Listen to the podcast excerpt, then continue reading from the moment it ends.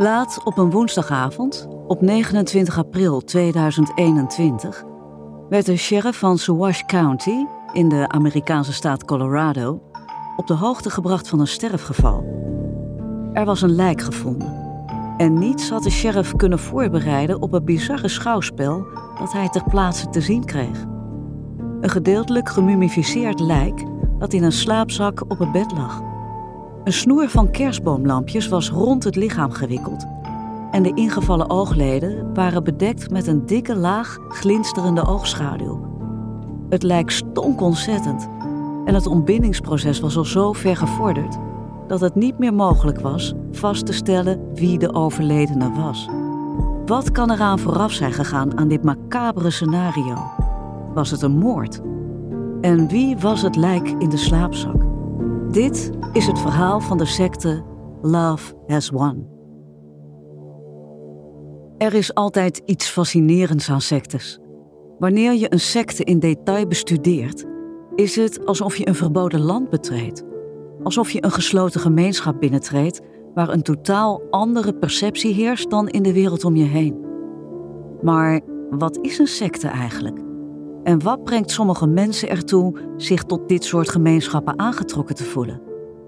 Waarom blijven ze in die gemeenschap, zelfs onder barre omstandigheden? Dit is wat we in deze serie podcasts zullen onderzoeken door de verhalen van enkele spectaculaire sectes nader te bekijken. Hoewel deze sectes fundamenteel verschillend zijn, hebben ze met elkaar gemeen dat ze allemaal een geloof praktiseren en dat de meeste mensen ze als radicaal en zeer afwijkend van de norm beschouwen. Je luistert naar de podcast In de ban van sectes. In deze podcast kunnen beschrijvingen en details voorkomen die sommige luisteraars als gewelddadig en beledigend en dus als storend kunnen ervaren.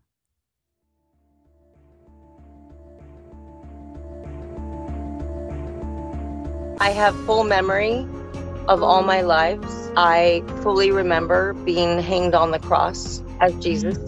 We're not a cult. Absolutely not. What is a cult?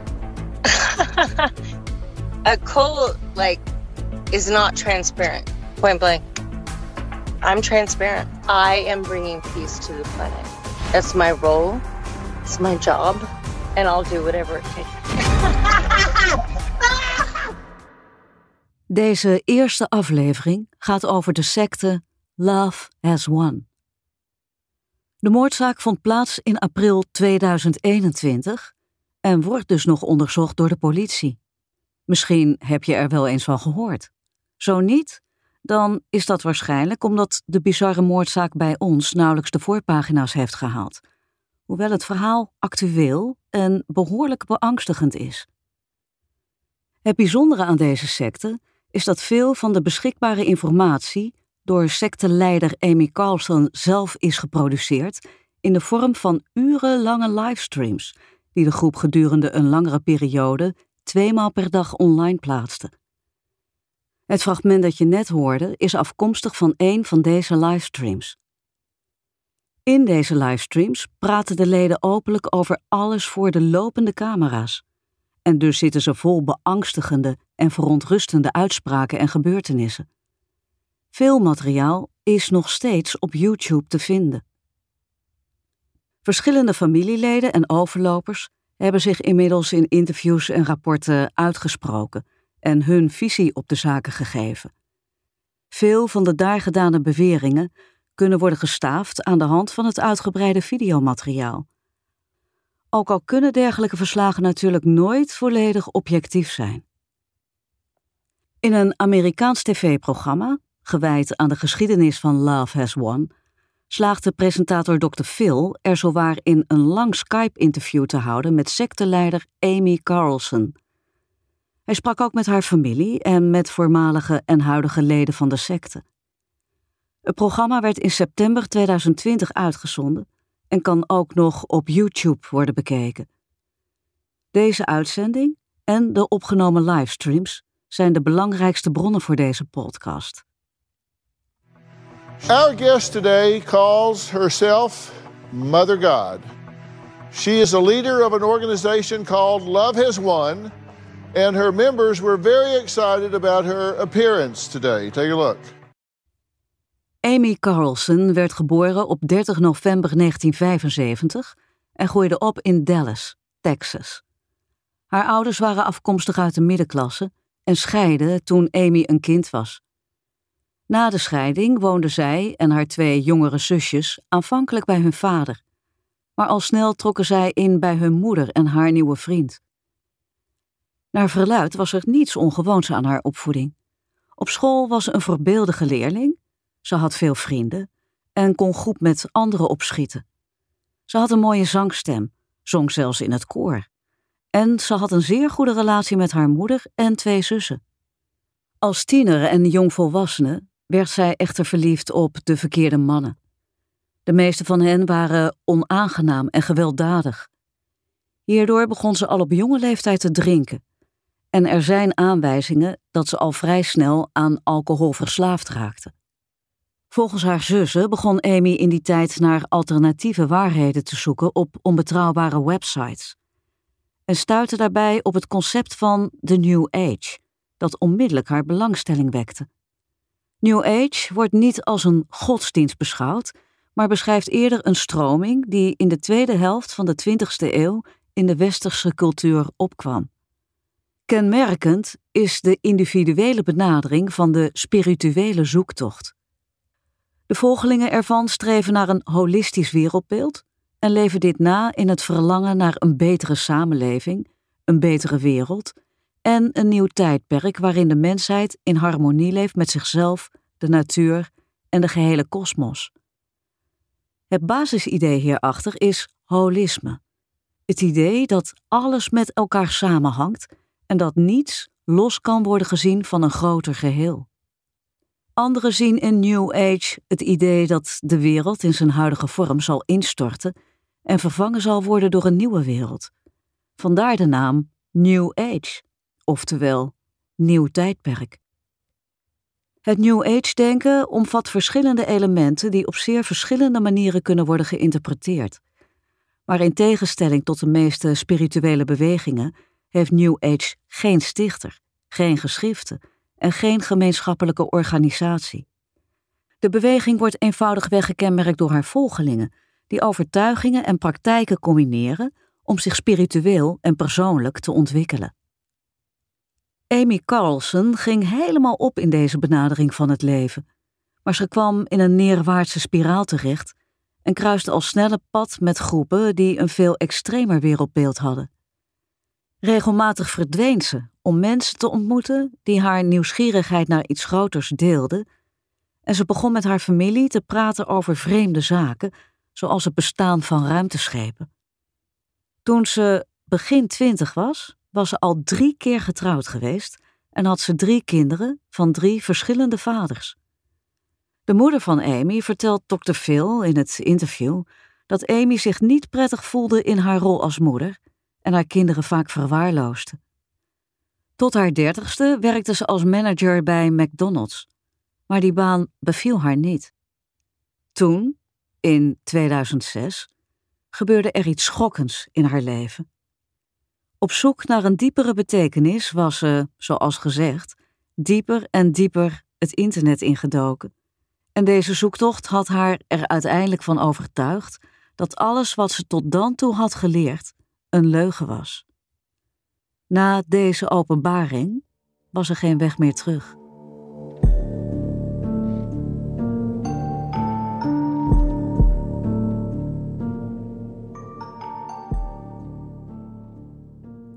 De ooit onschuldige belangstelling voor het holistische en spirituele, voor goedheid en genezing, was nu veranderd in het geloof dat de wereld moest worden gezuiverd van kwade krachten, omdat een wereldwijde, geheime elite haar wilde vernietigen. Amy Carlson had naar verluid een visioen gehad van engelen die haar vertelden dat ze haar familie moest verlaten om op een missie te gaan om de wereld te redden. Op Thanksgiving was er een groot diner bij de familie Carlson. Na de maaltijd stond Amy plotseling op. Ze liep de deur uit en verliet haar familie. Voor altijd. Haar drie kinderen, van twee, 7 en 12 jaar, verloren op dat moment hun moeder. Tijdens haar zoektocht op het internet trof Amy een man die zich Vader God noemde. En ze zou hem ontmoeten in Crestone, Colorado, in het Amerikaanse Midwesten. Een soort spiritueel mekka met kerken, tempels, kloosters en New Age-evenementen. Veel aanhangers van de New Age-beweging geloven in de wet van aantrekking en vibratie. Het belangrijkste punt is te streven naar een hoge vibratie, die onder andere wordt gecreëerd door liefde en dankbaarheid.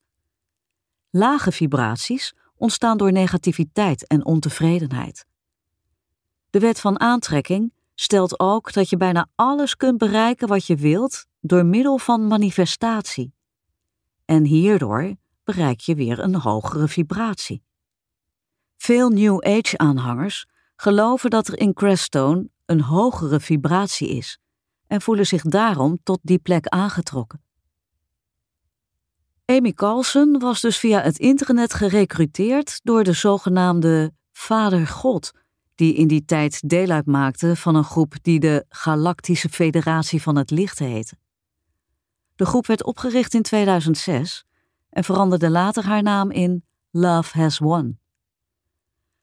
De leden hadden aanvankelijk geen vast geloof, maar prakticeerden en predikten een mengeling van New Age filosofie, erediensten en samensweringstheorieën. Het duurde niet lang voordat Amy de ultieme leider van de groep werd, hun enige en ware godin. Amy en Vader God waren zogenaamde tweelingvlammen, wat betekent dat hun twee lichamen één en dezelfde ziel deelden. In die tijd nam Amy's alcoholgebruik sterk toe. Ze kon iedereen onder tafel drinken en dronk bier en tequila alsof het water was. In 2012 verschijnt ze voor het eerst in een livestream met Vader God, die haar nu Divinity was gaan noemen. Ze kreeg in de groep verschillende benamingen.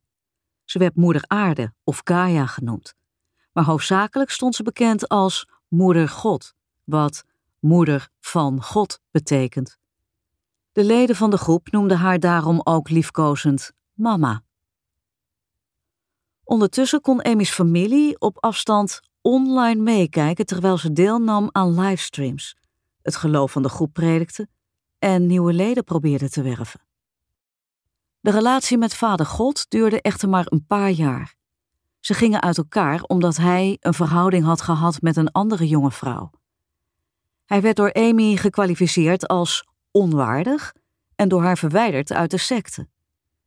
In de tijd die volgde waren er verschillende nieuwe vaderschot. Amy had ze allemaal uit haar eigen hart geschapen en ze waren allemaal haar tweelingvlam.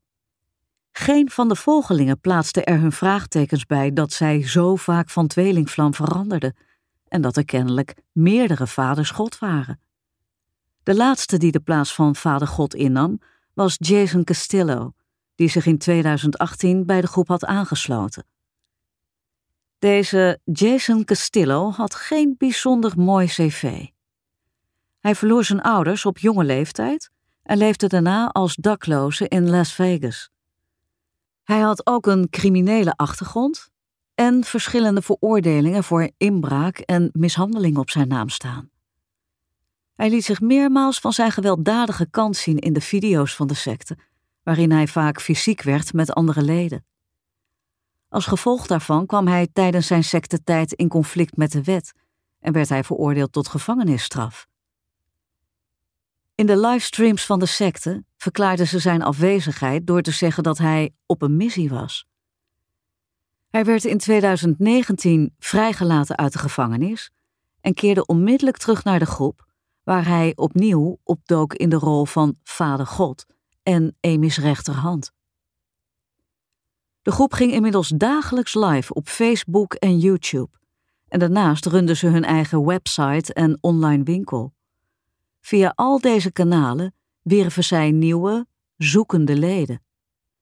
Velen, zoals Amy, verlieten hun kinderen en echtgenoten om de groep te helpen in haar missie om de wereld te redden.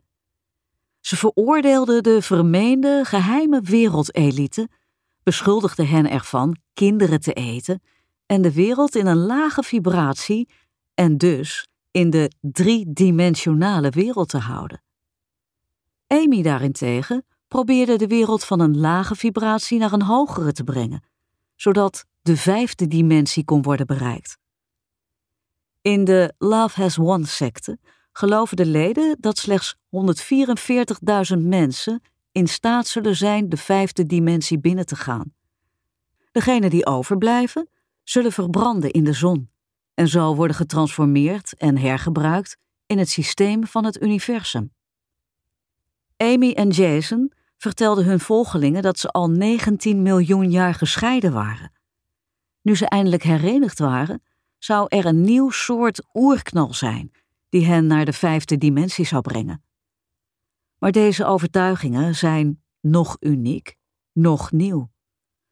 Ze worden beschreven in vele andere New Age geïnspireerde godsdiensten en in een aantal samensweringstheorieën. Evenmin is het uniek dat de leider van de groep beweert God te zijn en dat er een nieuwe wereld binnen handbereik ligt. In hun livestreams deden zij ook antisemitische en racistische uitspraken en gebruikten ze zeer haatdragende retoriek. Achter vele uitspraken van de secte, zoals over het stereotype van de op geld beluste Joodse bankier, of dat gevangenen in nazi-concentratiekampen alleen maar geacht werden te leren werken, ging een regelrechte jodenhaat schuil. In haar eigen beleving was Amy Carlson niet zomaar iemand. Ze was ook niet zomaar een persoon zoals ieder ander, maar de schepper in het algemeen. Ze beweerde een 19 miljoen jaar oud goddelijk wezen te zijn. Ze was niet minder dan 534 keer herboren en kon zich al haar vorige levens herinneren. Ze was onder andere Jezus Christus, Jeanne d'Arc, Marilyn Monroe, Pocahontas, koningin Elizabeth I en Cleopatra. Ook verklaarde ze dat Donald Trump in een vorig leven haar vader was. Ze kon zich duidelijk de ervaring herinneren dat ze Jezus was en aan het kruis hing. En ze heeft verklaard dat het veel mensen zou hebben verrast dat Jezus een vrouw was. Ze was er ook van overtuigd dat ze alleen al in haar leven als moeder God het slachtoffer was geweest van ten minste 589 moordaanslagen. Ze beweerde dat acteur Robin Williams in 2014, kort na zijn dood, in haar slaapkamer was verschenen en dat de geest van de overleden filmster vanaf dat moment dagelijks bij haar was geweest. Hij zou in werkelijkheid de aartsengel Zadkiel zijn en een van haar spirituele gidsen. Ze praatte de hele tijd met engelen, vooral als ze dronken was. Moeder God had heel speciale gaven, volgens haarzelf. Ze kon wonderen verrichten en ze maakte er een verdienmodel van. Ze beweerde op afstand te kunnen werken per telefoon of via internet voor het symbolische bedrag van 88,88 dollar, ongeveer 80 euro. Voor geld regelde ze alles, van hersenoperaties tot het verwijderen van negatieve energieën, voor uzelf, uw huisdier of vrienden en kennissen. Amy beweerde dat ze alleen al in dit leven meer dan 100.000 spirituele behandelingen had uitgevoerd en dat ze er zelfs in geslaagd was kanker te genezen. Een behandeling duurde tussen de 20 en 60 minuten, afhankelijk van de mate van het lijden. Als je dat doorrekent, zou ze ongeveer 18 behandelingen per dag moeten doen. Dus zou ze daar tot 18 uur per dag mee bezig zijn geweest. Ze zei dat dit zware werk een van de dingen was die haar kracht ontnamen en haar verzwakten. Later bleek dat veel van deze behandelingen ook door nieuwe leden werden gedaan, zodat zij zich vrij snel de vaardigheden eigen kon maken om op afstand te werken. Volgens Amy's getuigenis waren haar patiënten altijd zeer tevreden en beschouwde zij zichzelf als genezen door deze behandelingen. Het is verrassend dat de intrede van Moeder God plaatsvond in de tijd dat ze bij McDonald's werkte. Een lid van de groep heeft een verklaring voor hoe dit gebeurde en deelt die in een livestream. Zo gebruikte Amy de wereldberoemde McDonald's-slogan I'm loving it om liefde en hoge vibraties in de wereld te verspreiden. Volgens de secte kun je overal tekenen van haar liefde vinden, als je maar met open ogen en een open hart naar de tekenen zoekt.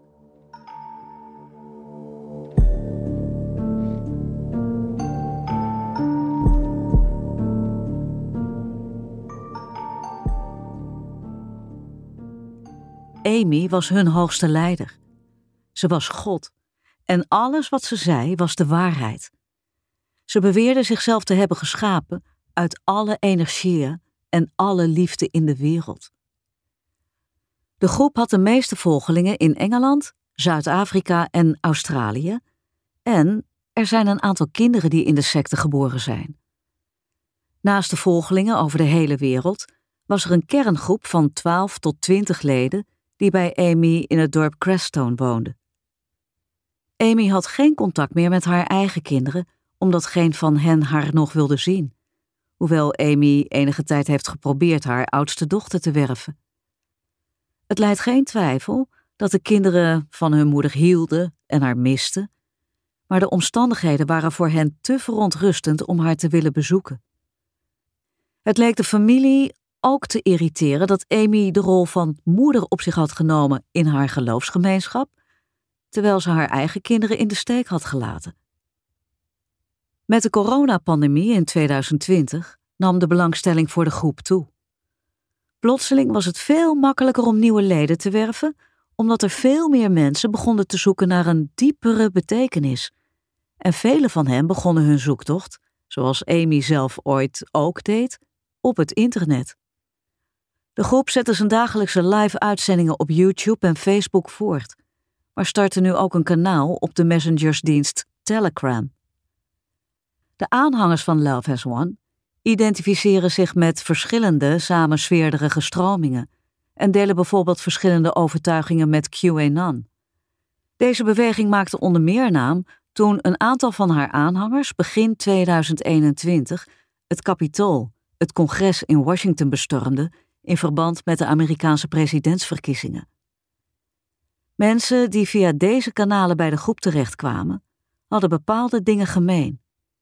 Ze waren vaak werkloos geworden in verband met de pandemie en waren op zoek naar zin en hoop in het kielzog van de onzekere toekomst. Ze zochten iemand die hun anker kon zijn en hen hoop kon geven. Ze werden aangetrokken door de belofte van goedheid en verlossing van de secte maar toen zij eenmaal deel uitmaakte van de groep, bleken er heel andere en nogal duistere dingen op de agenda te staan. Verschillende voormalige leden hebben gesproken over hun verleden met Amy en Love Has Won. Zodra ze online contact hadden gemaakt, zou Amy hen eerst waarschuwen voor hun lage frequentievibraties en de schadelijke en mogelijk fatale gevolgen die deze voor hen zouden hebben. Als zij zich echter volledig aan haar overgaven, zouden zij door haar leiding een hogere vibratie bereiken en uiteindelijk toegang krijgen tot de vijfde dimensie. Een voorwaarde voor toetreding was dat ze bepaalde regels moesten volgen. Zodra men was aangenomen, kreeg men een nieuwe, heilige naam. De oude moest worden achtergelaten. Daarna volgde het harde werk. Amy haatte luiheid en wilde dat haar volgelingen altijd bezig waren. Ze mochten nooit gaan zitten om uit te rusten. Ze mochten niet eerder dan om middernacht naar bed en sliepen dan hoogstens vier à vijf uur per nacht. Sommigen mochten zelfs maar één tot twee uur slapen. Elke nacht, zonder uitzondering. Er zijn video's van een lid dat lijdt aan extreem slaaptekort en niet in staat is om op te staan na een lange periode zonder slaap, terwijl Jason Castillo, Amy's tweelingvlam, hem vernedert en tegen hem schreeuwt dat hij moet opstaan en God moet dienen. Er waren meer regels. De leden moesten zich kleden en ook eten volgens de kleur van de verschillende dagen van de week, die overeenkwamen met de verschillende chakra's. Mannen moesten zittend plassen als eerbetoon aan het vrouwelijke. Er waren ook spirituele rituelen waarbij ze rechtstreeks in de zon moesten kijken om speciale zogenaamde lichtcodes te ontvangen, omdat ze ook zogenaamde lichtwerkers waren. Deze term wordt binnen de New Age-beweging gebruikt voor een speciale groep mensen die vooral gedreven wordt door het helpen van anderen en het dienen van de mensheid door middel van vriendelijkheid. Deze rituelen leiden echter vaak tot ernstige beschadigingen aan het netvlies. Daarnaast was het verboden seks te hebben met andere leden, tenzij het nadrukkelijk door Amy werd toegestaan. Maar in een dergelijk geval bepaalde zij ook de seksuele partner. Of, om het in haar woorden te zeggen, de tweelingvlam. Zij die geen tweelingvlam kregen, moesten afzien van seksuele activiteit. Er waren ook strikte beperkingen wat betreft de hoeveelheid voedsel die ze mochten eten, omdat ze zich moesten voorbereiden op het leven in de vijfde dimensie, waar ze geestelijk zo verzadigd zouden zijn dat voedsel slechts van secundair belang zou zijn. Leden mochten geen geld hebben. Alles moest aan moeder God en vader God gegeven worden. Er waren ook regels over hoe ze mochten spreken. Het was bijvoorbeeld verboden te zeggen dat het gras groen is. In plaats daarvan moest men zeggen dat men het gras als groen beschouwde. Als sommige leden tekenen vertoonden van een lage vibratie of op een andere manier botsten met de andere leden, Amy of Jason, werden ze weggestuurd naar wat Desolation Row werd genoemd, wat een verwijzing is naar een lied van Bob Dylan. Het was een afgelegen plek in het bos aan de andere kant van de nabijgelegen berg. Ze mochten daar niets mee naartoe nemen en moesten daar in weer en wind blijven, vaak naakt, totdat de groep besloot hen terug te brengen. Zoals in vele andere sectes waren de leden volledig afgesneden van vrienden en familie buiten de secte. Ook hiervoor werden specifieke regels opgesteld. Binnen de groep ontkenden de leden ten stelligste dat ze een secte waren en ze meenden dat ze absoluut niet voldeden aan de criteria voor die benaming. De media en de vertrokken leden zagen dat echter heel anders.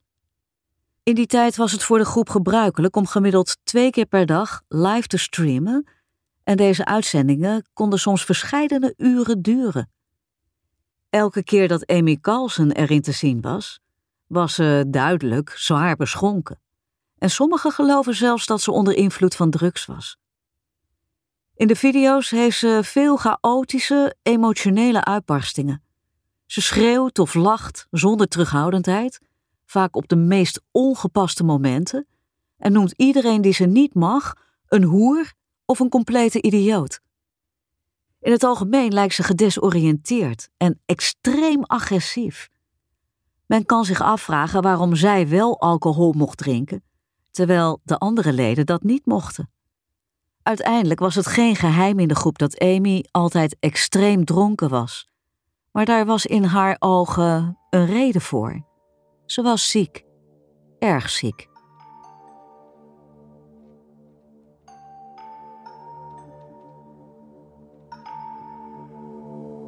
In de volgende aflevering kom je te weten wat er precies mis was met Amy Carlson, waarom haar huid na verloop van tijd veranderde en donkerder, bijna blauwachtig werd.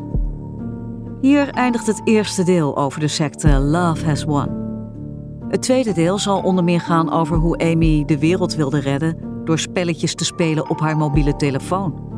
En hoe ze ruzie kreeg met de bewoners van een eiland in Hawaii.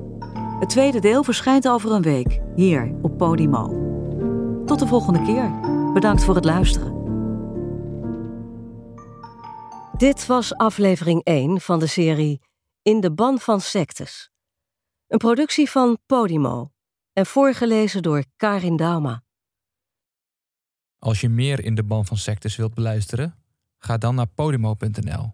Meld je aan en luister de eerste 30 dagen gratis.